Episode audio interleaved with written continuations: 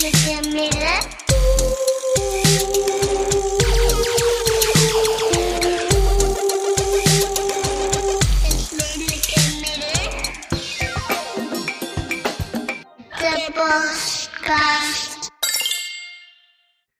wiggity, welkom bij het Redelijke Midden. De podcast waar we stukje bij beetje elke brug verbranden met de status quo van wiens goedkeuring we even goed afhankelijk blijven.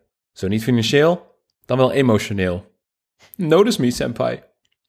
Ik ben Pim van den Berg. Ik ben hier met Thijs Krijn-Paste, beter bekend als Tissa Kid Fisto. Hallo. Eh, ben- oh, oh. Voor de leken onder ons. Kid Fisto was een lid van de Jedi Council, maar hij werd eh, gedood in een duel met keizer Palpatine. Oh, oké. Ja, die, die had ik even niet helemaal, eh, helemaal scherp. Ik ben wat roestig op mijn eh, leden van de Jedi Council die eh sneuvelden in gevecht met keizer Palpatine. Ja, ze zijn ook binnen vijf tellen uit, weggevaagd. Dus het is niet veel om te weten. Ehm, beste luisteraar, wanneer je dit luistert, is het ongetwijfeld Koningsdag. Soort van. Dat wordt ook wel Woningsdag genoemd. Thijs, wat vinden wij van de monarchie? Eh, wij vinden dat de monarchie eh, liever vandaag dan morgen wordt afgeschaft. En de Mhm. koning op een houtvlot bij Lobit eh, wordt gezet en de Rijn op wordt geduwd. Ehm, Natuurlijk mogen het hem verder goed gaan. Ja, we geven hem een appel en een netjes lunchpakketje mee, zodat hij het een paar, een paar uur niet, niet, te, niet te kwaad heeft. Maar En sixpacks frist hij. ja, ja. Nee, we, zijn de, we zijn de broertjes niet, we zijn het redelijke midden. Mhm. Ja. Nee, de monarchie moet echt worden eh, afgeschaft. Ehm, want het hele, de hele notie van, van, van een koning is volstrekt. ehm, het, is een, het is een absurditeit. Ik snap ook niet dat we dat theater nog altijd blijven, eh, blijven opvoeren. Ehm, Het is belangrijk, dit zijn natuurlijk wel open deuren, maar het moet even gezegd worden. Ja, kom op. Ja. Ik bedoel, het verstevigt een gevoel van nationalisme. En ik denk niet dat er ooit veel goeds uit nationalisme is voortgekomen. Ehm, we hebben het dan nog niet eens over de zelfverrijking door belastinggelden, die ook vervolgens weer doorgevoerd worden naar investeringen waar je niet per se blij van wordt. Ik, ik weet ook niet zo goed. Ik, ik, eh, zeg maar, eh, als we het nou moeten hebben over de psychologie van het Koningshuis. Hè? Het hele, de hele notie dat je. Wat gaat, er, wat gaat er om in het hoofd van een voorstander van, van het Koningshuis? Ehm, anders dan van, oh, ik vind het vertoon zo gezellig of zo. Of, eh, hoe, hoe kun je je nou vereenzelvigen met een systeem waarin je denkt: Weet je wat rechtvaardig is? Dat ik dag in dag uit, eh, maandag tot vrijdag, van 9 tot 5, ehm, mijn reet eraf werk in dit, deze, deze, deze baan die ik heb. en heel veel, of nou, heel veel, maar gewoon even belasting betaal. Ehm, en dat er een andere familie is, die eh, verder geen noemenswaardig talent heeft voor het een of het ander, eh, maar gewoon eh, op een goed moment uit de juiste kut is gekomen. Mag ik, ja, dat is eh, vulgair dat ik dat zo zeg. Maar goed, hè, dus, dus in, het juiste, in het juiste wiegje is terecht, is terechtgekomen. Ehm, En dat puur op basis van dat arbitraire feit zij een leven wordt geboden ehm, wat van ehm, alle geneugden is, met, met, met alle geneugden waar ze niets tekort komen. Ehm, en dat je daar Mhm. naar kijkt en dan zeg maar even rondkijkt in je eigen woonkamer, die, eh, nou ja, zoals we weten, eh, waarschijnlijk onder de huidige economische toestand niet, eh, niet al te rijk is ingericht. En Zowel ja, mijn bureau als mijn boekenkast staan op instorten. Letterlijk. En dat je dan denkt, ja, dit is zoals het moet zijn. Ik snap dat niet. Ik snap, ik snap dat echt niet. Ja, of je moet er gewoon een soort buitengewoon genoegen in, ehm, in scheppen. Zeg maar dat je het een beetje, het is een beetje de, eh, eh, ja, de ehm, Matthijs van Nieuwkerk theorie van het Koningshuis. Hè, Mhm. Kennelijk heeft Matthijs van Nieuwkerk toch iets waardoor het eh, de moeite waard is om die man tonnen per jaar te geven, zodat hij dan op televisie is elke dag. Ehm, dat je denkt van ja, het is gewoon heel grappig, want er is één dag in het jaar dat we die koning dan uit zijn hut halen. Ehm, en dan, dan laten we hem zeg maar rondjes lopen voor, voor zeg maar het gewone volk. Maar dat gewone volk, dat doet dan allemaal activiteiten. En dat kan bijvoorbeeld vioolspelen zijn of een eh, soort theaterstuk. Er is ook vaak een lokale eh, rapper die iets rapt. Ehm, Vergeet spijkerpoepen niet. Ja, en er is dus ook altijd een activiteit die gewoon echt nooit iemand doet. Het bestaat ook helemaal niet. Het is gewoon een soort poets die we eh, elk jaar doen. En de koning moet raden, zeg maar, wat dan niet echt was. Eh, dus bijvoorbeeld, zeg maar, dan, dan het viool spelen en het theaterstukje. En zeg maar, dat er dan van die vlotten op een, een stukje water eh, worden gebouwd. En dan ook een toiletpot gooien. En dan moet de koning moet raden wat niet iets is wat, zeg maar, het gewone volk doet. En dan heeft hij het ja, waarschijnlijk toch heel vaak kennelijk fout. Want hij reageert enthousiast op eh, die activiteiten. Gaat zelfs meedoen met het toiletpot gooien. Ehm, ja, is toch, ja. Maar zeg maar dat je daar dan zeg maar heel veel voldoening uit haalt. En zegt, ja, dat maakt het wel waard dat we de rest van Hij is het net jaar als ons. bakken geld aan die familie geven. Zodat ze dan, zodat ze dan zeg maar, ja, eh, een beetje kunnen herstellen elk jaar van, eh, van, van de schok van, van Koningsdag. Ja, en dat je ze dus ook voldoende geld geeft dat ze daadwerkelijk volstrekt van alle werkelijkheid zijn losgezongen. Ehm, want anders komen ze er misschien achter dat wc-pot gooien helemaal niet iets is wat de onderdanen op een dagelijkse eh, basis doen. Ja. En daarom één pleidooi aan de luisteraar. Als je de kans krijgt om oranje dingen te kopen of om lekker te staan zwaaien met Nederlandse vlaggetjes, doe het niet. Ik weet nog een studiegenoot van mij een aantal jaar geleden, die ging vreedzaam demonstreren met een vriend op de Dam tijdens Koningsdag. En de hele Dam was oranje, behalve zij. Zij droeg dan een wit t-shirt met op de tekst zoiets als niet mijn koning of zo. En zij werd door de politie van de Dam geplukt en rondgereden in een busje. En pas toen de feestelijkheden voorbij waren, werd ze vrijgelaten. Het is absurd. Het is echt absurd. Ja, En er zijn dus mensen die dat een normale reactie vinden. Ja, je moet wel een beetje gezellig houden. Hè? Je kunt niet zomaar, eh, je kunt niet zomaar je mening gaan zitten uit op zo'n dag. En het was dus zogenaamd voor haar eigen veiligheid dat ze het recht om te demonstreren ontnomen werd. Maar eh, ja, hoewel we weten natuurlijk dat is een structureel probleem. Het is, het is kwats, het is bullshit. Ik zal de nieuwsbron in de show notes zetten. Ja. En is het eh, denk ik tijd voor ons hoofdonderwerp, of niet? ja, volgens mij wel. Het lelijke midden. Thijs, de pers is pik. Afgelopen weken was het één grote greppelfik. Van de Jort Kelders en de Marianne Zwagerlui die eh, mogen verkondigen dat we oudere mensen misschien maar moeten laten sterven en de dikkere Nederlanders.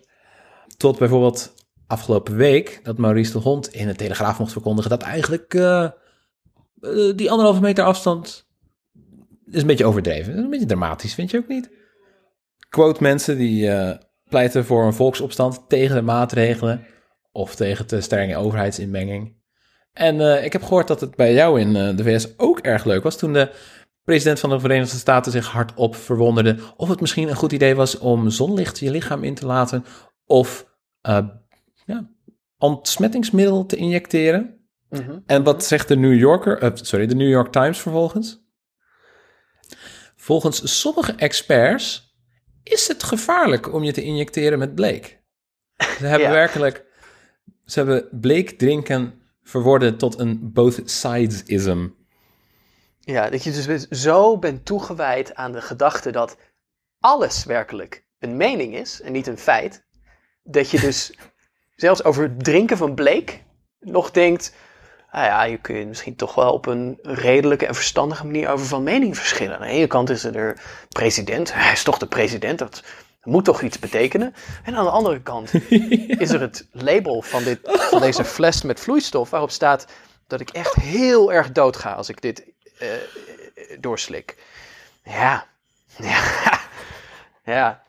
Ehm, maar het, heeft ook echt, mensen, mensen denken dat het dus geen effect heeft ehm, hè, van dit soort dingen. Dat mensen evident wel eh, ja, toch, toch aan hun gezond verstand kunnen worden overgelaten. Dat is denk ik ook wel een ideale wereld waarop je hoopt. Maar Ja, Ehm, maar nee. eh, er waren toch meer mensen dan gewoonlijk die Ja. na de op uitspraken van Trump in New York werden opgenomen, eh, de spoedeisende hulp, na het innemen van chloor. Bleek. Dus meer, meer dan gewoonlijk. Dus het was een toename van het Oh. gebruikelijke aantal chloorconsumpties. Dat, maar er, er is geen institutionele controle tegen dat soort gevaarlijke onzin van een staatshoofd. Je zou denken dat de pers controleert. Ze noemen het ook wel, eh, wat is het, de vierde macht? Ja, zo, zoiets. Of de vijfde. Het is een macht. Het ligt een beetje aan of je zeg maar de ambtenarij meetelt. Nee, ik zou, ik zou het willen, maar vooralsnog. Ehm, en het lijkt alsof, alsof dat teleurstelt. Kijk, als Jaap hier was, en Jaap, je, ik hoop dat je luistert, dan zou hij een appeltje te schillen hebben met hoe tandeloos de pers omgaat met eh, bepaalde kwesties die momenteel spelen. Aha. Heel eufemistisch van je. Dank je. Ehm, er, er was ook een aardige hashtag ophef over eh, een vraag van een NOS-journalist tijdens een, ehm, een persconferentie van Mark Rutte over dat wat nu speelt. Aha. En eh, die vraag was ongeveer: Premier Rutte, we hebben ons de afgelopen weken voorbeeldig gedragen. We zijn netjes thuis gebleven. En voor straf moeten we nog langer binnen blijven? En dat wordt dan verdedigd met het idee: ja, luister eens, vriend. Dat is wat bij heel veel mensen speelt. Dus dat moet je een stem geven. En dan denk ik gauw van: dat mogen wel zo zijn. Maar ten eerste, ik heb het niemand horen uitspreken. Niemand gedraagt zich voorbeeldig. En zelfs als je dat eh, een stem wil geven, kan je dat dan niet op een kritischere manier doen. Door het al van tevoren een beetje te kaderen in een beetje perspectief. Je gaat toch niet vragen aan Mark Rutte, eh, meneer de baas van Nederland, is het gewoon niet beter als we allemaal de straat op gaan en onszelf blootstellen aan een dodelijk virus? Ja, maar vol- volgens mij zit er nog iets anders. En dat is dat kennelijk de taak van de journalist in kwestie, zoals die dat dan zelf voorstelt, is om de premier een soort voorzetje te geven. Mhm. Mhm. Maar dat is een heel gevaarlijke gedachte. Dat is onaangenaam. Want dat betekent dat die journalist zichzelf heeft, zeg maar, heeft eh, zeg maar een soort idee heeft, kennelijk, dat, Mhm. althans tenminste in deze context, ik wil, je, je kent mij als uiterst genuanceerd, eh tenminste in deze context, als een, als een teamspeler van het kabinet. Nou, dan ben je dus al geen journalist meer, maar dan ben je gewoon een veredelde voorlichter kennelijk, eh, die, die, die, Ja. zijn, die zijn baas een voorzetje geeft, zodat de baas even kan zeggen, nou, dat is inderdaad een vraag die op ieders lippen brandt, maar ik heb er een goed antwoord op. Hij staat als eerste op mijn blaadje. Weet je, dat, maar dat, dat is echt, maar dat, dat moet dus... ehm, Als Sinterklaas. Ja. ja, ja maar, maar dan, maar dan gaat geloof ik wel een heel fundamenteel eh, misverstand over de taak van de journalistiek aan, aan eh, eh, achterschuil. Ja, ehm, ik kan me ook voorstellen hoor, dat de hang naar eenheid zo groot is. En eh, ik bedoel, er is ook hang naar gewoon eendracht. Een duidelijk eh, plan waarmee we de situatie die momenteel in ieders leven speelt, daadwerkelijk aan kunnen gaan. Maar eh, dat gaat niet door, twee, een beetje te dwepen met een neoliberale overheid die überhaupt al geen zin heeft om meer te doen dan gewoon de KLM overeind te houden totdat de hele ellende voorbij is. En Nou, meer. Shockdoctrine, vorige aflevering. Wat ik me nog afvraag is, voordat we, voordat we ook eh, zeg maar over de structurele oorzaken hiervan gaan praten, want we hebben daar Mhm. wel wat gedachten over, is ehm, in hoeverre de journalistiek zelf heeft geïnternaliseerd die, ehm, ehm, die, die leugen van politiek rechts, reactionair, dat ze allemaal links zouden zijn. Wat evident niet waar is. Als je ook maar als je gewoon een goed stel eh, ogen hebt en oren, dan kun je zelf zeg maar, zeg maar de, de, de journalistiek tot je nemen en dan kom je tot de conclusie dat de journalistiek helemaal niet links is. Ehm, Oh nee, nee. Maar dat- ik, ik zat dus te denken om een gast uit te nodigen voor deze podcast. eh, als we het over journalistiek gaan hebben. En ik bedenk me net, ik ken niet echt een radicaal linkse journalist die ook niet al gewoon mee heeft gedaan aan deze podcast. Ja, nee, ik heb wel wat goede journalisten bij de Groene Amsterdammer en zo, maar, maar die hebben, Groene heeft zelf ook een podcast, dus ik weet niet of ze dan mee zouden doen. Maar ik ken er inderdaad niet zo, niet zo heel veel. Ehm, maar er is, er is dat, dat beeld is helemaal geïnternaliseerd, denk ik, van ja, wij zijn inderdaad Hmm. links, dus we moeten ook... ehm, bijvoorbeeld de gedachte dat al die persconferenties hè, van Trump integraal moeten worden uitgezonden. Wat al, een, wat al teruggaat tot aan de campagne in 2016, toen ook kennelijk al die rallies van hem eh, integraal werden doorgezet op CNN. Ehm, Afdalen in een roltrap. dat is door, dat is, geen enkele president heeft dat ooit, heeft ooit die behandeling gekregen. Eh, Obama niet, eh, de presidenten daarvoor niet. Eh, dat is een nieuwigheid uit het Trump-tijdperk. Want Ja. kennelijk is het van essentieel belang dat alle bullshit die uit zijn bek komt, eh, integraal moet worden doorgezet naar het Amerikaanse volk. In plaats van dat er daadwerkelijk journalistiek werk plaatsvindt, waarin gewoon de journalisten ehm, naar de briefings gaan. Hè, en ik betaal daarvoor als nieuw consum- nieuwsconsument, want ik heb een abonnement op de krant hier. Ehm, Welke? eh, op de, eh, ik heb een proefabonnementje op de Washington Post. Want er staan ook wel eens leuke recepten in. Ehm, en ik heb een abonnement op Current Affairs, wat een eh, fijn tijdschrift is. Hmm. Ja. Ehm, maar, eh, nou ja, dus ik wil dat die journalisten voor mij naar die briefings gaan en dan hun journalistiek werk doen en het kaf van het koren scheiden. En er is heel veel kaf en eigenlijk geen koren. Nou, dan wil ik ook dat horen. Ehm, maar dat wordt helemaal niet meer gedaan. De journalist heeft zichzelf in een soort rare positie van het doorgeefluik ge- gezet, waar Yep. eh, ten, ten beste nog, en niet ten nadele van sommige journalisten die wel heel goed en heel kritisch zijn, maar waar ten beste nog een keer een goede kritische vraag wordt gesteld, maar dan ook het antwoord op die kritische vraag, maar gewoon aan eh, de consument wordt overgelaten. Eh, en Ja. niet, ja, ehm, en dat is, ja, het is, ver- het is verbluffend. Ik heb vier punten die ik wilde aankaarten, waardoor dat eventueel zou kunnen komen. Ik lees even alle vier voor en dan gaan we het gewoon langer over hebben. Oh, ik zie dat er een vijfde bij is gekomen. Eh, het Ik eerste is wel, ja. outrage marketing. Het feit dat in een digitale infrastructuur ophef loont. Tweede, de doodsangst om recht genoemd te worden. Daar heb jij het al een beetje over gehad natuurlijk. Het Ja. derde, objectiviteit is altijd twee tegengestelde standpunten presenteren. Dat is, eh, oeh.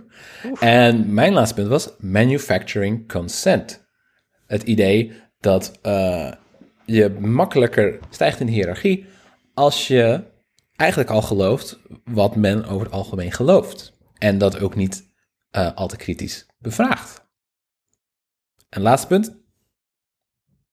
Is van jou. Oh, ja, het, het, ik denk dat er ook een, diep verlangen ehm schuil gaat naar een wereld waar ehm, strijd en conflict, zeg maar, worden toegedekt. Waar het lijkt alsof dat er niet is, omdat er een cultuur bestaat, althans aan de maatschappelijke top, tussen elites, of dat nou bestuurlijke of politieke of culturele elites zijn, die het ehm, ja, weliswaar met elkaar oneens zijn, maar ehm er naar streven om het voortdurend met elkaar te kunnen vinden. Zeg maar, om samen wat, wat te soebatten en te discussiëren.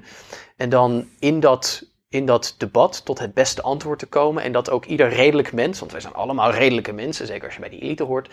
ehm, Mhm. dan wel tot de conclusie moet komen dat, ja, nu we het er eens goed hebben over gehad, ehm, eh, dan, dan eh, kunnen we die vraag Het is wel goed sluiten. Ja, ja, ja, dus waar dus niet wezenlijke fundamentele strijd is over politieke en sociale macht, over de uitoefening Juist. van macht, waar ook wereldbeelden niet fundamenteel kunnen verschillen over wat voor een soort wereld je wil, maar waarin de consensus als een soort dikke deken, ehm, een dikke Hm. aanname over al het handelen ligt. Weet je, net volgens mij zie je ook heel erg in de New York Times, waarin ehm, de New York Times heeft, eh, er, eh, noemt bijvoorbeeld Trump geen leugenaar. Weigert Trump, heel erg, Ja. en doet het nog steeds niet, Falsehoods misschien? Ja, falsehoods, mistakes of uh, taking liberties with the truth of, of, of al die eufemismen. Ja. Ehm, omdat ze zeggen, en dan zeggen ze ja, we willen niet motieven, eh, we, we willen niet eh, eh, speculeren over motieven. Overigens speculeren ze heel vaak over motieven, want ze beschreven van de week wel weer dat Trump vanwege zijn eh, diepe begaandheid met eh, de gewone Amerikaan eh, het een of het andere beleidmaatregel had afgekondigd. Dus dan, dan doen motieven er ineens kennelijk wel toe en is het ook heel makkelijk om ze vast te stellen. Maar Mhm. om die man gewoon een leugenaar te noemen, wat hij is, dat willen ze dan niet. En volgens mij zit er ook die, zeg maar, die verstikkende politesse achter. De gedachte dat je niet kunt omgaan in Ja. je wereldbeeld, binnen het systeem van je wereldbeeld, met mensen die fundamenteel te kwader trouw zijn, met kwade actoren. Ja. Omdat je gewoon niet, je wil, eh, eh, ja, je, je wil niet de conclusie trekken die onvermijdelijk wordt in zo'n wereld. Namelijk dat Mhm. kennelijk waarheid er minder toe doet dan je dacht. Dat consensus er minder toe doet dan je dacht. En dat wezenlijke politieke machtsstrijd er meer toe doet dan je denkt. Dus dan heb je dat laklaagje van de liberale democratie heb je moeten opgeven. Het glanslaagje. Om daaronder een soort heel akelige werkelijkheid te moeten zien. Was jouw eh, naming trouwens zo heet dat de politie voor jou kwam? Was mijn naming zo... Wil je dat herhalen? Sorry. Was jouw naming zo heet dat de politie daadwerkelijk voor jou kwam? Oh nee, sorry. Ja, dat is gewoon de... Ehm het aantal sirenes is wel... Politie-sirenes is wel minder geworden, want er, is minder, er zijn minder mensen op straat. Maar ehm Ja, Ja. wie weet waarom. Geen idee. goede vraag. Nou, mijn eerste punt was dat eh, de huidige media-infrastructuur waarop we onze media consumeren, eh, is over het algemeen via sociale media. Die, eh, waarin wij zelf content bouwen, die vervolgens valt of staat bij in hoeverre die geliked en geshared wordt. En dingen die geliked en geshared worden, of geupvote, als we ook Reddit willen betrekken, ehm, die worden beloond met zichtbaarheid. En hoe sneller een bepaalde stuk content, sorry voor het woord, geliked of geshared wordt, des te meer het ook wordt gepusht door algoritmes die juist zoveel mogelijk eh, tijd van mensen en aandacht van mensen willen opslokken. Want uiteindelijk is het hoofddoel van die infrastructuur, die sociale media, om zoveel mogelijk oogballen te concentreren op één plek, zodat zij advertentieinkomsten kunnen oogsten. En een tweede is om mensen zoveel mogelijk tijd door te laten brengen in die media. Want eh, ik ben verslaafd aan Twitter, jij ook. Jij bent verslaafd aan zuurdesem eh Twitter-posts. ja, guilty as charged. Ja. En Ik, werd daar- wel geoond vandaag, want ik had een poll gedaan van, willen jullie meer brood? En de meerderheid zei nee. Nou, Ze vonden het niet broodnodig, inderdaad. ja, oh, bedoemtsch. Dank je, dank je. Ehm, maar goed, het soort berichten die daar gedijen zijn dus berichten die veel emotie veroorzaken. Zij het verontwaardiging of woede of euforie. En nieuws, zeker eh, onderzoeksjournalistiek en kritische nieuws, gedijt juist bij geduld en nuance en traagheid. En die worden eigenlijk verstikt door een medium dat constant vernieuwing wil en ook veel ophef. Hashtag ophef. Ja. Dus dat is, dat is al een manier waarop traditionelere vormen van journalistiek een beetje verdrukt worden. Maar wat daarvoor in de plaats komt, is dus ophef genereren. Nieuwsberichten die eigenlijk ehm, uitgaan van bepaalde vooroordelen en die prikken. En dat hoeft niet eens waarheid te zijn. Want we merken dus ook dat het een ontzettend vruchtbare bodem is voor fake nieuws, nepnieuws. Je kan gewoon iets verzinnen wat soort van waar lijkt. Het hoeft niet eens echt waar te zijn. En mensen struikelen er toch wel over om het te veroordelen. Of juist om het ermee eens te zijn. Hoe dan ook, de kliks zijn behaald. Advertentieinkomsten zijn geoogst. En de damage is done. En dan kan je factchecken zoveel als je wilt. Vergeefs. Dus daar zit een, een fundamenteel probleem. Ja. En ik, ik vind dit een heel goede, dit is eigenlijk een soort marxistische lezing van de, van de mechanismen achter de journalistiek. Want het gaat hier, uiteindelijk, het gaat hier om eh, eh, het vermeerderen van het kapitaal van, van die journalistieke programma's, waarin hun aandeel, eh, hun marktaandeel groeit en daarmee hun opbrengst en hun, eh, van, van, van de geleverde arbeid vermeerdert. En dat is dan Ja, en- en- advertentieinkomsten. Zelfs als je het niet eens over de advertentieinkomsten hebt, maar louter de aandacht al. Weet je, ik kan me voorstellen dat de NPO zoiets heeft van, ja, we hoeven niet per se de advertentieinkomsten van Facebook. Ik weet niet eens of ze die mogen hebben. Ehm, maar dan alsnog willen ze het bekijks. Ja. Nou, volgens mij, volgens mij zit er ook nog een, zit ook een soort psychologische dimensie achter. En, maar die werkt, eh, ehm, heel erg, die werkt in grote manier hetzelfde als, als wat jij zojuist zei. En dat is dat zeker sinds zeg maar de 20 jaar, dus de, dan heb je het over het, sinds Fortuin. Er is daar, daar, daar, daar, daar wordt ineens een soort trauma ehm, gecreëerd voor een hele generatie journalisten die kennelijk niet diep genoeg de vinger in de poepgat van de samenleving hadden en niet, ehm, niet wisten wat er speelde, weten wat er speelt. Ehm, alsof ze daar zelf ook helemaal niet een rol in hebben. Hè? Dus, dus een soort journalistiek, eh, journalisten zijn letterlijk alleen maar een soort thermometer die in de poepgat gaat, maar niet zelf ook temperatuur genereren. Nou ja, anyway. Maar helemaal daar de boot hebben gemist. Dat genereert een trauma. En sindsdien is er een soort ehm, eh, ook een soort journalistieke cultuur ontstaan waarin eh, die je zeg maar de, de, de nieuwspoorttheorie of de, de, de, Ja. de eh, eh, Felix Meritus of de Rode Hoed of de Bali-theorie van de Nederlandse culturele elite zou kunnen noemen. Waarin ehm, hè, de, het verloop in die, in, aan, aan de Nederlandse maatschappelijke top, in de Nederlandse elite, is, is, is, heel, eh, is heel fluïde. Hè? Eh, Mensen kunnen de ene dag opiniemaker zijn en de volgende dag zijn ze politicus en dan gaan ze weer terug naar Ja. opiniemaker. En ze gaan ook allemaal naar een beetje dezelfde eh, debatachtige eh, eh, organisaties. En ehm, fungeren in dat, zeg maar, fluïde netwerk van ja, wie heeft het met, ook, met wie maak je een praatje, wie, wie, wie, wie heeft de vinger in, in, in, in het juiste poep gehad.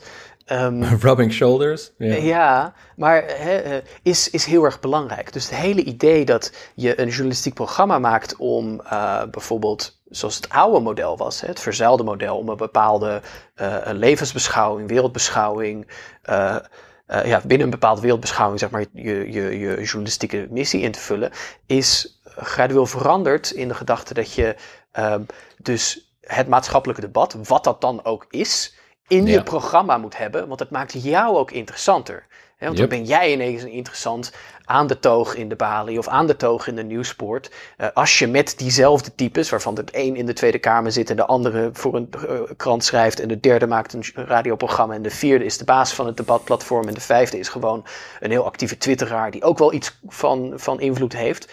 Ehm, dat, dat, dat, dat daar het gebeurt. Hè? Daar, wordt de, daar wordt de hitte van het maatschappelijk debat gecreëerd. Laten we dat sexy bij proxy noemen. Ja, en, maar je wordt dus, dus, je wordt dus heel erg een, een soort afhankelijk van die voortdurende ophef. Dus je moet die ook blijven voeden met steeds absurdere standpunten. Volgens mij zit daar ook, eh, zit, zit dat er ook deels achter. Want al die Ja. mensen hebben zelf helemaal niks te vertellen. Ze snappen niks, ze hebben nooit iets gelezen, ze kunnen niks. Ehm, dus ja, ze moeten ze maar gaan luisteren naar de eerste, de beste schreeuwer die voldoende zelfvertrouwen heeft, eh, voor zichzelf heeft, eh, heeft gegenereerd om daar dan maar op een, op een podiumpje over te gaan zitten, zitten mekkeren. Zoals een Jort Kelder, zeg maar. Iemand, iemand Ja. volstrekt van alle gêne vrij, die stupiditeit de vrije loop laat. Ik ga een, eh, een naam aan dit fenomeen geven, als ik toch bezig ben. Kwartskalatie. Kwatschkalatski? Kwartskalatie. Oh, Kwatsch en heel- escalatie. Oh, kwatschenet, oh, kwatschenescalatie. Kwatschkalatski. Het- Nou klinkt het als een Rus die eh, toevallig heel veel onzin uitkraamt. Dr. Kwartskalatski. Kwartskalaatski. Ik, nou, nu weet ik het ook. Fuck it. Fuck it. Onzinvloed. Het is onzin en het gaat om invloed. Het is onzinvloed. Beter, beter. Ehm, Jan Posma die schreef een, eh, een mooie korte mediabeschouwing in De Groene over het belang van ernst. En dat juist nu wordt aangetoond hoe ontzettend nutteloos en onhoudbaar dat fenomeen van de onzinvloed is.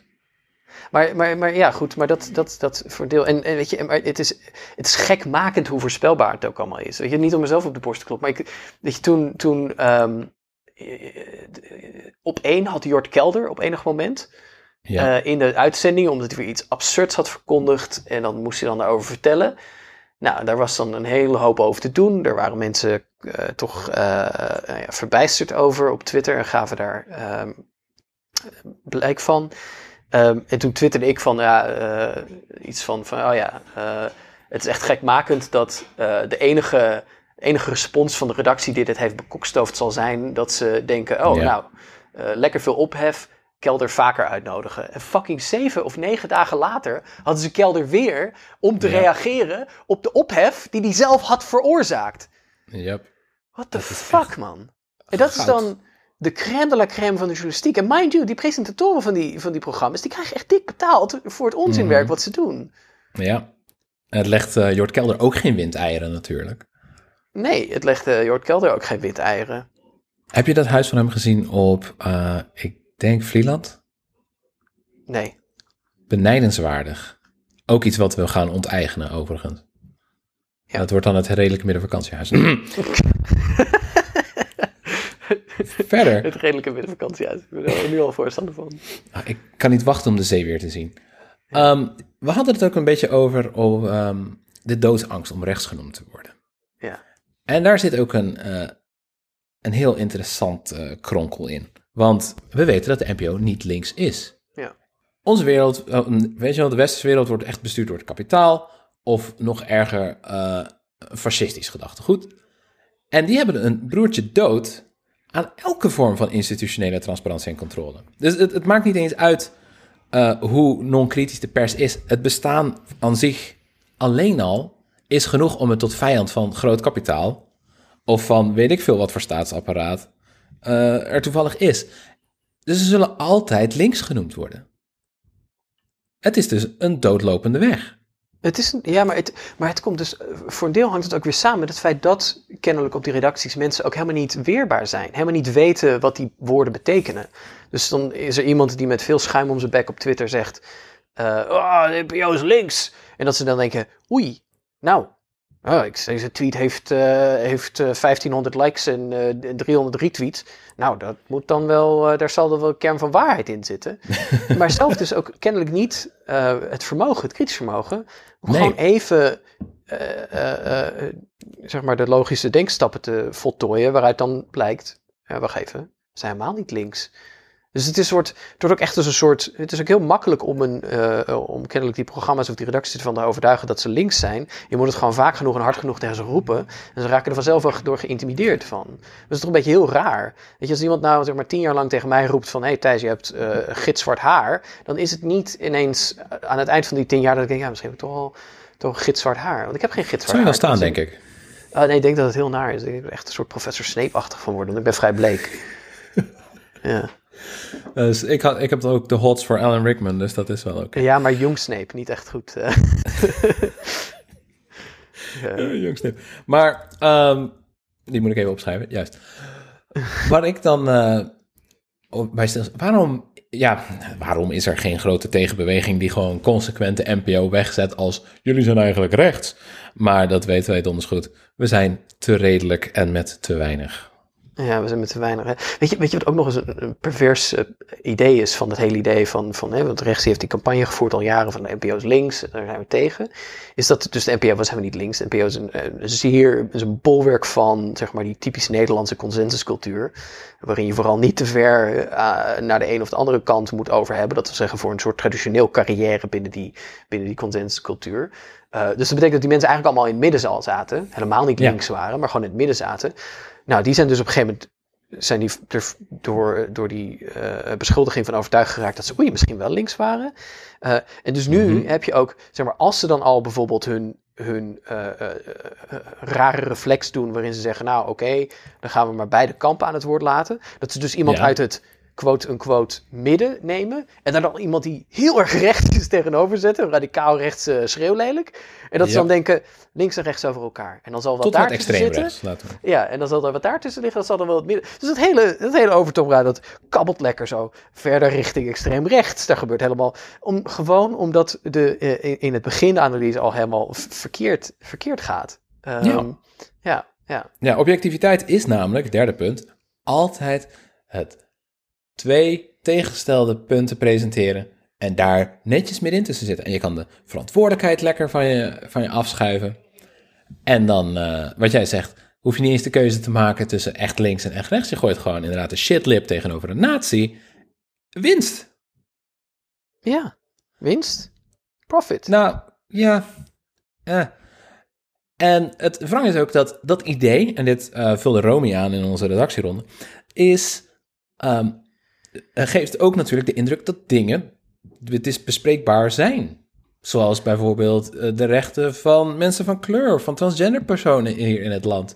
Oh ja, Ja. eh, we hebben hier een shitlip die zegt dat we geen kinderen binnen moeten laten. En hier een nazi die zegt alle mensen op Lesbos moeten gewoon laten zinken.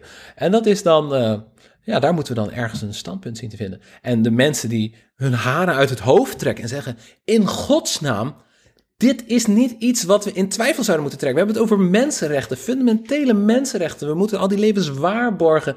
Waar de fuck ben je mee bezig? Stel het je fucking racisten Ja, dat eh, is dan niet iets wat ter sprake komt. Of in ieder, Ja. in ieder geval wat behartigd wordt. En de, in, in de handen was in onschuld. En we hebben er geen aandeel aan. Maar dat zag je ook toen, toen dat is alweer een paar maanden geleden, toen ehm, eh, bijvoorbeeld Thierry Baudet ineens eh, de, onafhankelijk, de onafhankelijke rechtspraak ter discussie stelde. Hè. Ehm, eh, eh, eh, de suggestie doet dat de rechterlijke macht in Nederland niet voldoende eh, onafhankelijk is van, van politieke Ah. invloed, maar in feite een soort politici in vermomming zijn. Eh, dat is bullshit overigens. Een volstrekt ongefundeerde uitspraak. Volstrekt ongefundeerd. Het enige waar die uitspraak vandaan komt is dat Thierry Baudet altijd naar, eh, eh, met, met één oog naar de Verenigde Staten kijkt en, en bedenkt welk trucje die daar nu weer eens van kan gaan jatten. Dat introduceert in een Nederlandse context. En dat de journalistiek dan denkt, hmm, een interessant debat over de, eh, over, over de rechtelijke macht in Nederland. Laten we dat maar eens lekker op de helling zetten. Mhm. En het gewoon meteen. En op het moment dat je ook zegt van hé, maar dit is een onverantwoordelijke journalistieke keuze, want er is niet gedegen journalistiek werk aan vooraf gegaan om te denken: hé, hebben we die bewering op zijn merites eh, gecontroleerd? Klopt dit met wat we weten uit de wetenschappelijke literatuur, uit allerlei onderzoeken die daarover worden gedaan? Want er wordt gewoon onderzoek naar gedaan. Eh, Yep. Er is ook debat over onder eh, wetenschappers. Hè. Wetenschappers die zijn zich daar zeer van bewust. zijn, zijn, sommigen zijn daar bezorgd over, anderen zijn er minder bezorgd over. Mhm. Dat is een goed. Dat is een goede plek waar dat soort debatten eh, plaatsvinden. Tussen mensen die daar hun hele academische loopbaan hebben eh, eh, ge- ge- gewijd. Ehm, maar in plaats daarvan zich even, zich even daar te raden te gaan, zetten ze gewoon op primetime twee politici tegenover elkaar. Waarmee ze eigenlijk al hebben besloten dat dit, hun poortvachtsfunctie heeft al plaatsgevonden. Dit is een, een, een werkelijkheid die geadresseerd moet worden. Door Ja. de politiek, notabene. Niet door eh, eh, bijvoorbeeld de rechterlijke macht eh, zelf. Want ook de rechterlijke macht heeft natuurlijk buitengewoon veel mechanismen waarin het zichzelf controleert en zichzelf kritisch controleert en zichzelf verschoont van misstappen.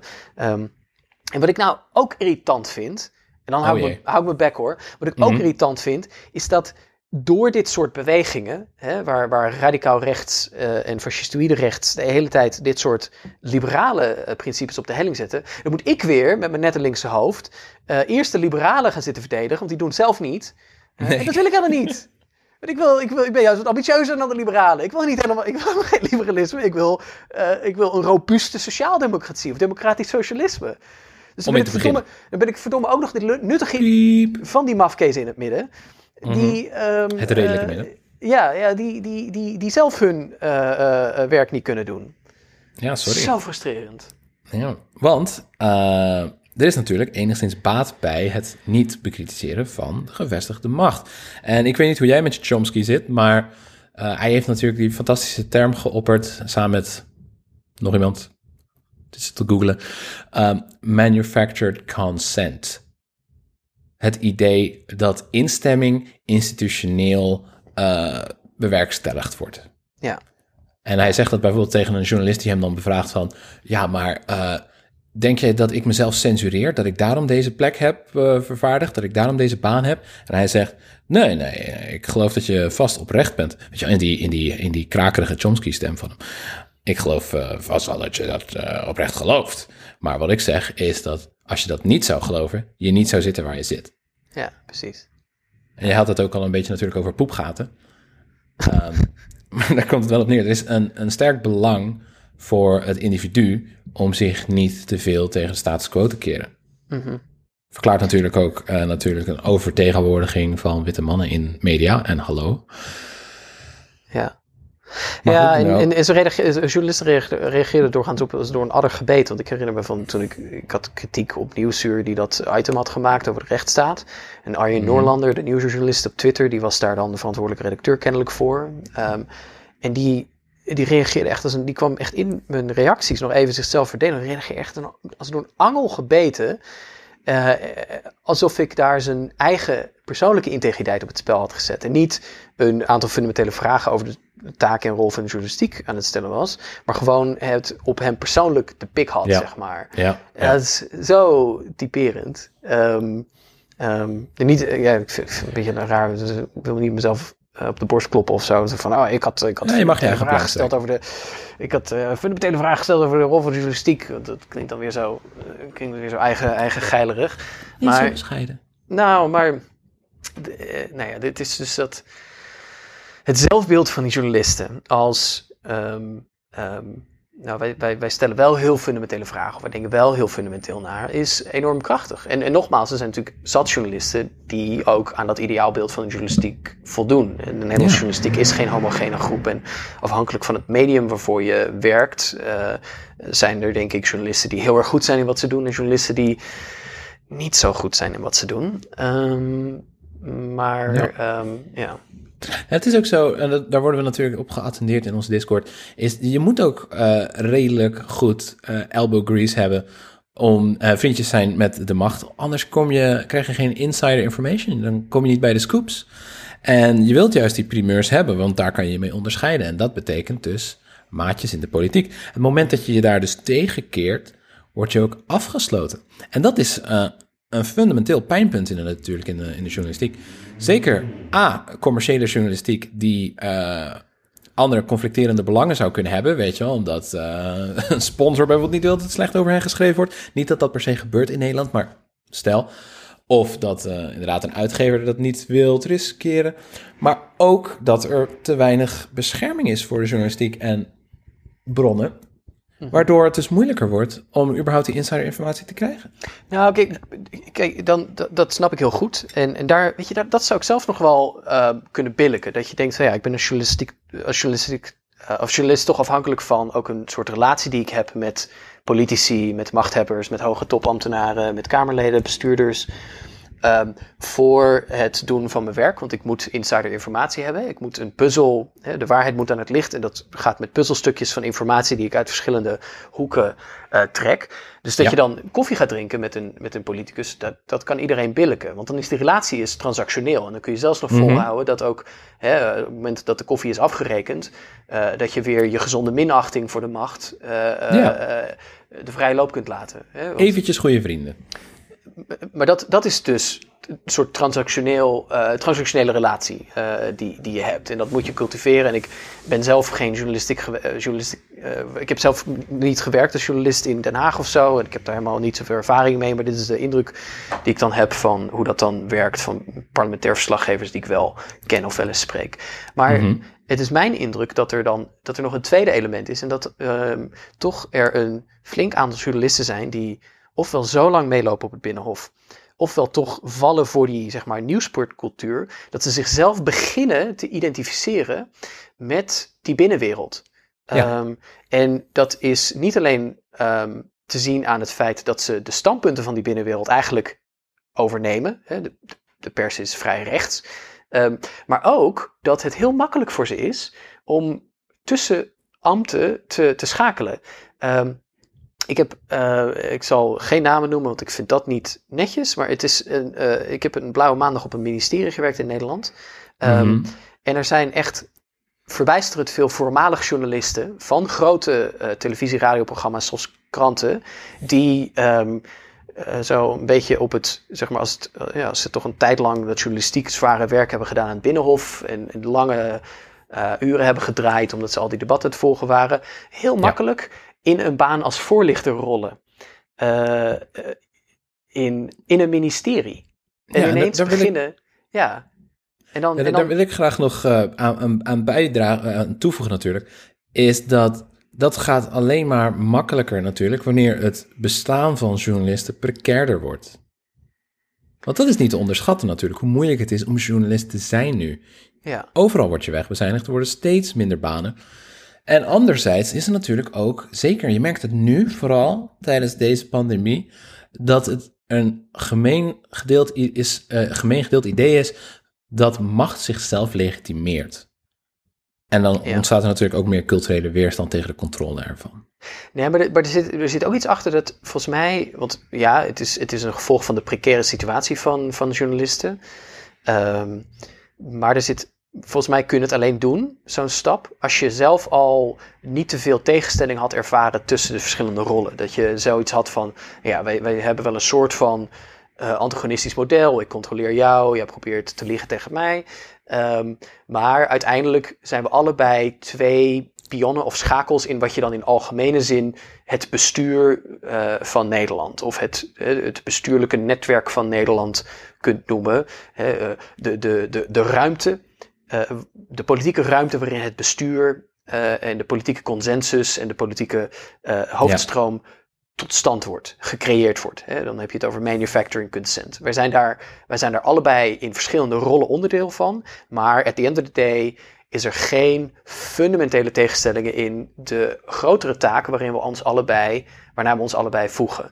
Ehm, ik moet zeggen, ik ken een aantal wat jongere journalisten in Nederland. eh, Mhm. Ook eh, voor grote kranten die expliciet niet voldoen aan dat model. Eigenlijk veel eh, robuuster zijn in hun opvatting over wat de taak van de journalistiek in, is. En helemaal niet die neiging vertonen.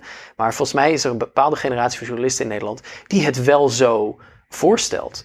En dat, ja, nogmaals, is, is, is echt een enorme pest op de journalistieke cultuur. En daar krijg je dus al die perverse uitvloeiselen van, die dan s'avonds op de NPO op de televisie zijn. Maar wat je zegt inderdaad, ik ken ook, eh, ik heb ook in de journalistiek gewerkt. In feite zijn we dat nu nog steeds aan het doen. Ehm, en er zit heel veel talent bij, met een open oog, eh, een ogen open voor de ellende die plaatsvindt, ongelijkheid, structurele uitbuiting, die stiekem gewoon door het kapitalisme komt, maar we hoeven ze niet per se uit te spreken. Dus ik heb er enigszins wel goede hoop in. Goede hopen voor de toekomst. Ja. Ja. ja, en wij zijn er natuurlijk, hè, dus op zich gaan wij het allemaal. eh, iedereen gaat gewoon naar onze podcast luisteren en dan komt het helemaal goed.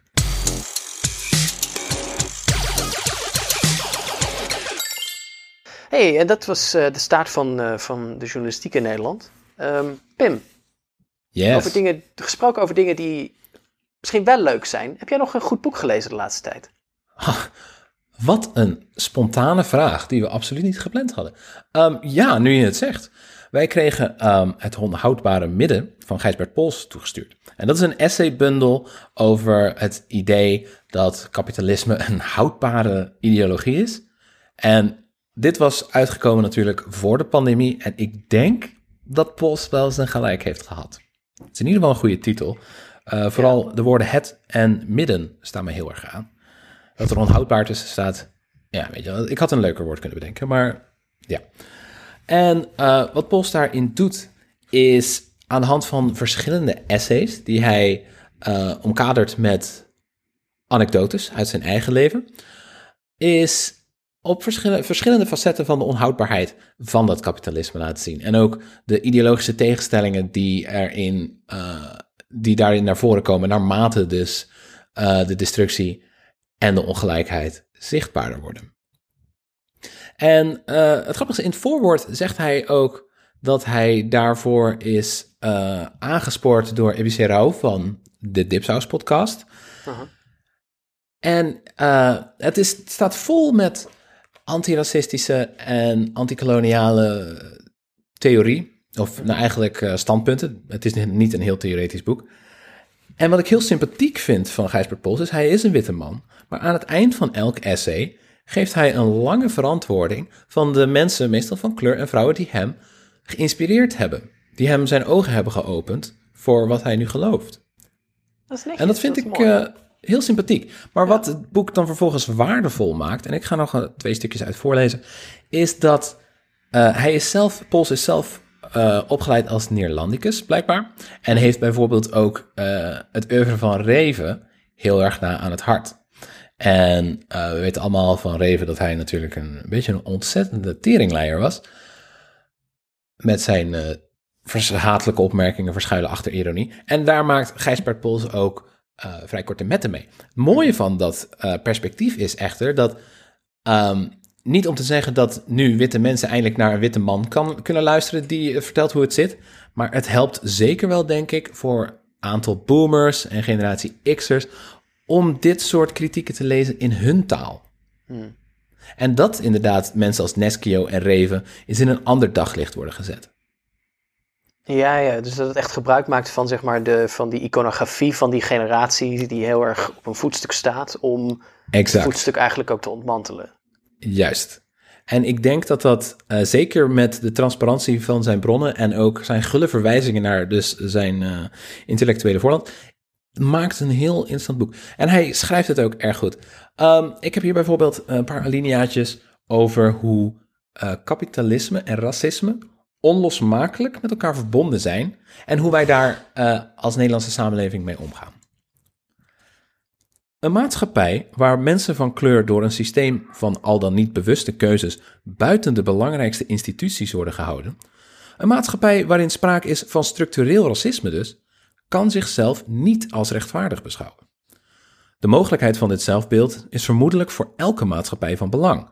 Zelfs in dictaturen wordt verwoed geprobeerd de bestaande machtsverhoudingen te legitimeren. Maar voor de moderne Europese democratieën is de notie van rechtvaardigheid nog fundamenteler. Onze welvaart, onze consumptie en onze nog altijd grote greep op de rest van de wereld is alleen te verdedigen door ons soort samenleving als een historisch eindpunt te beschouwen. Als de best mogelijke, of tenminste de minst slechte van alle samenlevingen. Waartoe ook de rest van de wereld zich langzaam zal ontwikkelen, al dan niet met behulp van onze economische en militaire interventies. Het probleem is nog pregnanter geworden door de politieke en culturele dominantie van het neoliberalisme en de meritocratie. Macht wordt in ons soort maatschappij beschouwd als iets wat voortkomt uit individuele, ambitie, vlijt en doorzettingsvermogen. Als beloning, met andere woorden. Dat mensen van kleur structureel minder macht en succes is gegund, kan daarom niet goed worden uitgelegd. Of er moet worden toegegeven dat onze maatschappij inderdaad een structurele vorm van racisme kent, of de afwezigheid van mensen van kleur op de plekken waar macht, geld en aanzien verdeeld worden, moet als bevestiging gezien worden voor hun intrinsieke inferioriteit. De keuze gaat dus tussen toegeven dat sociale mobiliteit nauwelijks van mensen van kleur gegund is en openlijk racisme. Om zo'n keuze niet te hoeven maken en de dingen toch te kunnen laten zoals ze zijn, worden de scheve verhoudingen verzwegen. En dan komt er een alinea waarin hij zegt uh, dat zwijgen niet makkelijk is en dat daarom mensen ook heel vaak geneigd zijn om rabiaat racistische dingen te zeggen, maar dat dan te verbergen met, ja, je mag het eigenlijk niet meer zeggen, hè? Ja, ja, dus dan, dus dan wordt er, ja. En dan wordt er, eh, eh, schrijft hij dan ook over hoe, zeg maar, in dat, in dat statement dan eigenlijk al een beetje een soort de, de mantel van de, van de waarzegger wordt, uh, wordt aangetrokken. Van uh, ja, dit, was, Mhm. dit, dit, dit is een feit, maar ik mag de feiten niet meer zeggen.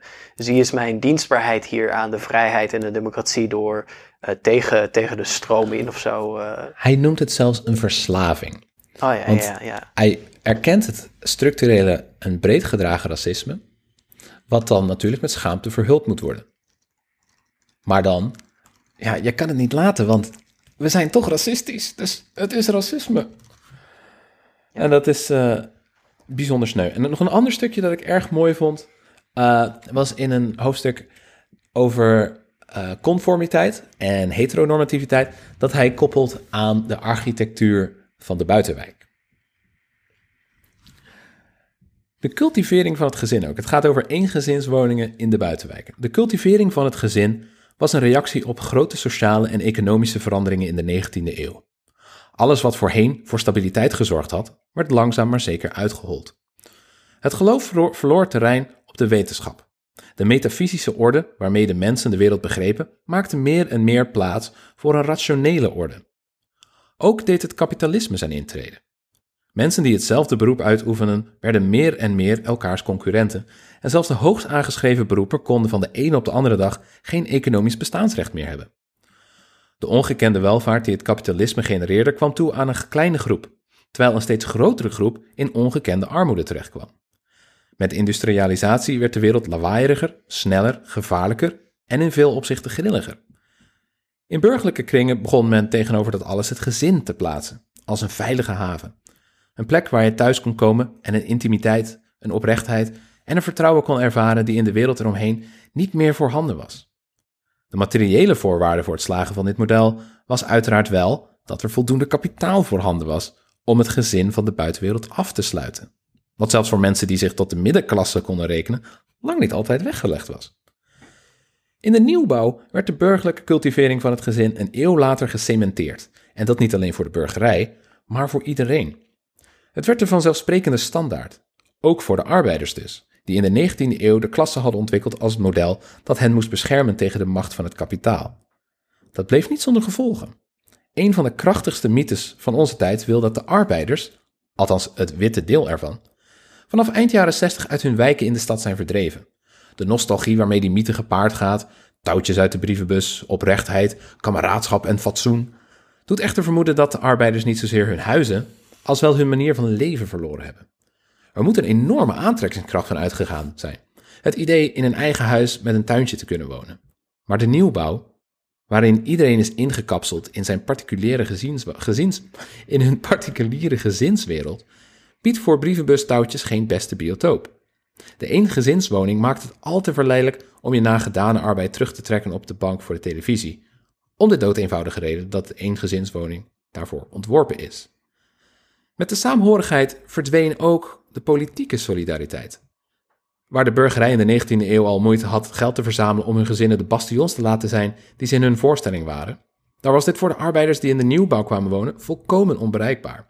Zelfs in de jaren 90, toen het er nog even op leek dat iedereen rijk kon worden, waren de nieuwbouwbewoners nog altijd volkomen afhankelijk van het loon dat van hun arbeid werd betaald. En daarmee uitgeleverd aan reorganisaties, aan outsourcing, loondumping enzovoort enzovoort. En je kunt misschien troost vinden in je gezin als een of andere consultant je baan heeft weggerationaliseerd, maar een staking krijg je niet op poten gezet. Doordat het gezin in de nieuwbouw zo nadrukkelijk tot het uitgangspunt van het sociale leven gemaakt was, begon zelfs de mogelijkheid van breed gedragen politieke actie langzaam vreemd te worden. Tegelijkertijd raakte het gezin overbelast. Het was de enige overgebleven plek waar de onzekerheid, willekeur en vernedering die loonarbeid met zich meebracht gedeeld kon worden. Maar het kon dat niet alles in iets productiefs omzetten. En dat vind ik wel een mooie, een mooi denken. Ja. Dat de ruimtes die we voor onszelf hebben ingericht, of die voor ons zijn ingericht, ons zodanig gefragmenteerd hebben dat ook sociale bewegingen ineens een stuk moeilijker worden. Ja, ik, ik kan daar wel. Ja, ik moet er even op kouwen. Ik vind het wel heel fijn om naar te luisteren. Maar, ehm, Ik denk wat, eh wat Gijsbert heel erg mooi doet in het boek, is die onhoudbaarheid is natuurlijk een gevolg van instabiliteit. Van tegenstellingen die wij eh, door middel van cognitieve dissonantie eigenlijk wegmoffelen. De ware aard van kapitalisme die wij zogenaamd hebben verzoend met democratie en vrijheid. eh, bloot te leggen in de meest alledaagse en typisch wit Nederlandse manieren. En ineens, die houdbaarheid wordt, ja, die wordt in het boek heel duidelijk. Maar nadat je het boek hebt gelezen en je, je denkt even over, na over de situatie waarin wij ons nu begeven, is het zo klaar als een zonnetje. Ja. Dat inderdaad het kapitalisme is onhoudbaar. Ja, ja er, is, er is, een, er is een, soort, een, een soort tweede poot hier. Hè? Dus we trekken ons terug, of we worden eigenlijk langzaam geïsoleerd in, ehm, in die eensgezinswoningen.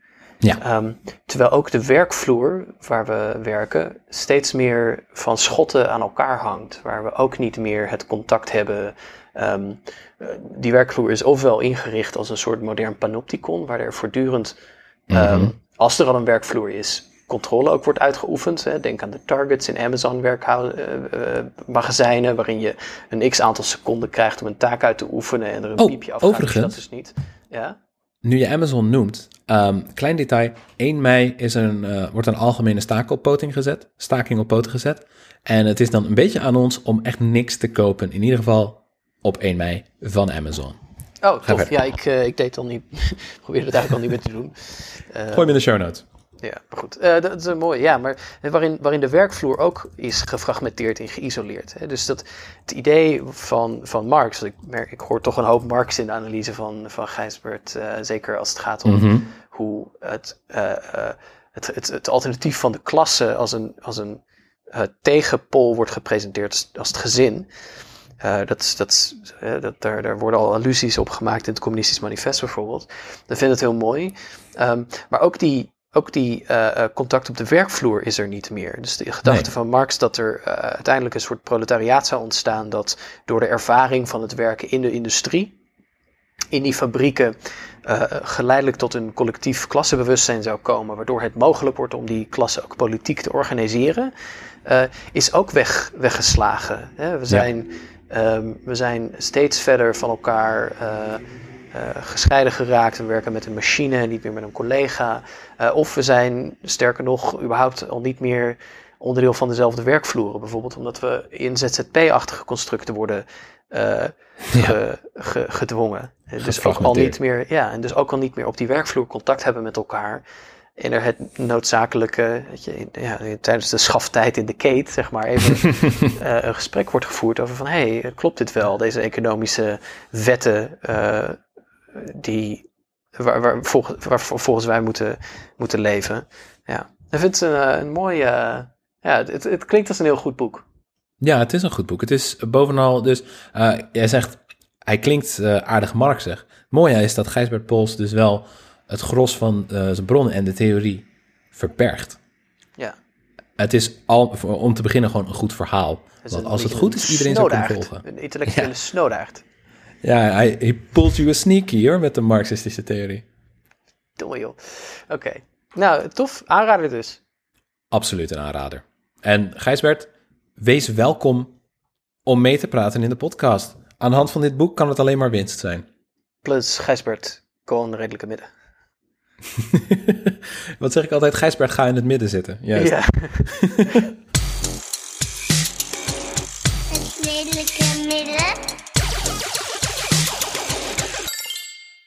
Kijk, normaal is dit een, uh, een gemeenschappelijk momentje, het redelijke midden.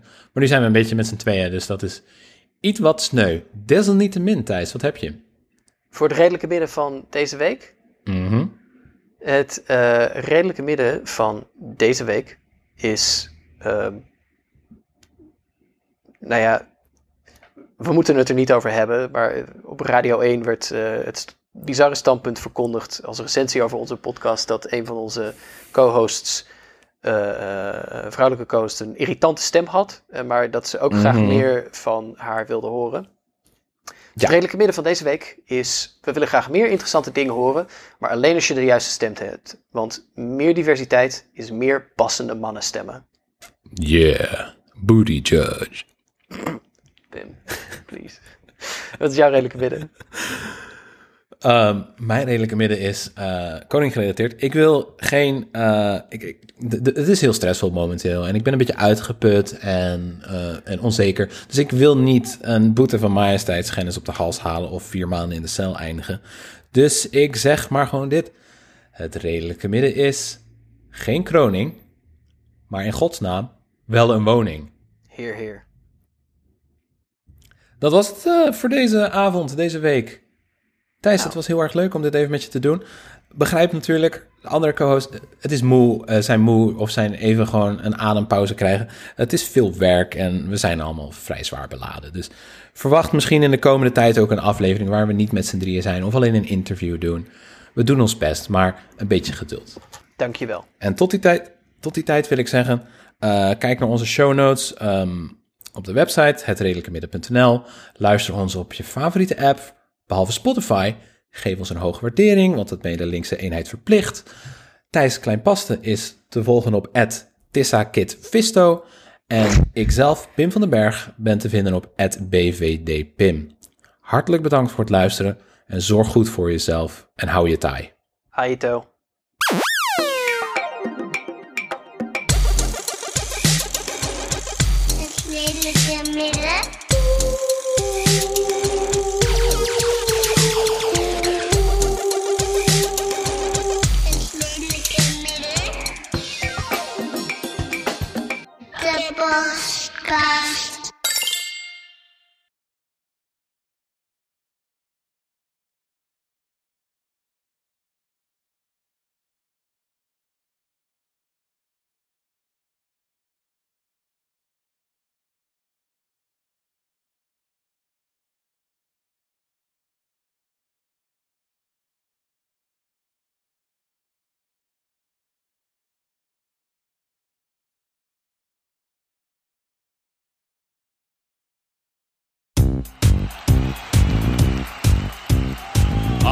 Mensen van Nederland, ik ben Daniel, maar noem mij maar gewoon geen Daniel, noem mij maar de meneer la.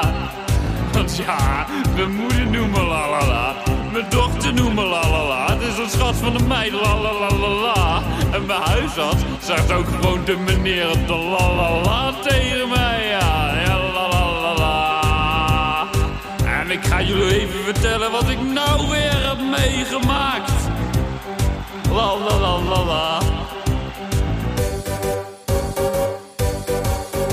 Ik ging vanochtend werken in mijn spijkerjack. Maar omdat het glad was, ging ik op mijn bek. Ik vloek geschelde tieren, maar dat helpt geen hol. Dus zingen we dit liedje allemaal met carnaval. Het is zo glad als bevroren patat,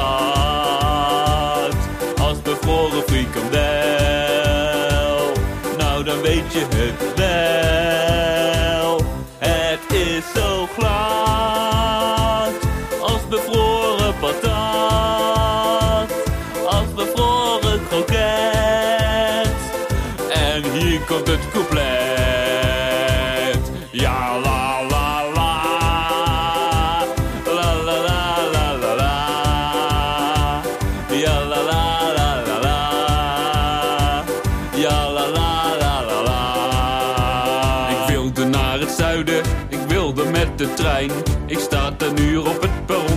die sprinter zijn?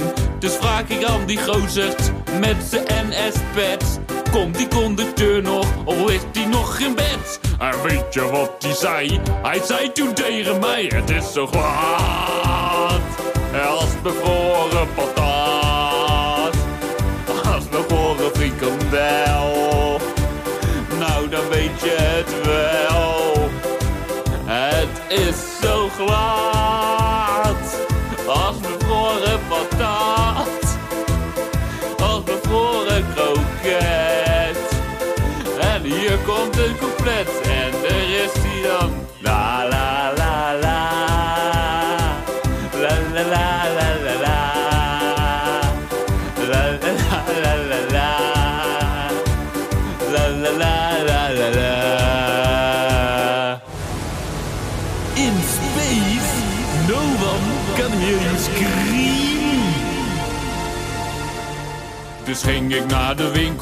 En wat zag ik daar? Een hele mooie dame met prachtig golvend haar. Ze stapte op een stukje ijs, ging bijna op de smoel. Ik ving haar in mijn armen, als je begrijpt wat ik bedoel. We zijn nu al tien jaar en heel gelukkig paar. Het is zo glad als bevroren patat. Als bevroren frikandel. Nou, dan weet je het wel. Ja, ja, ja, ja, het is zo glad. Als bevroren patat.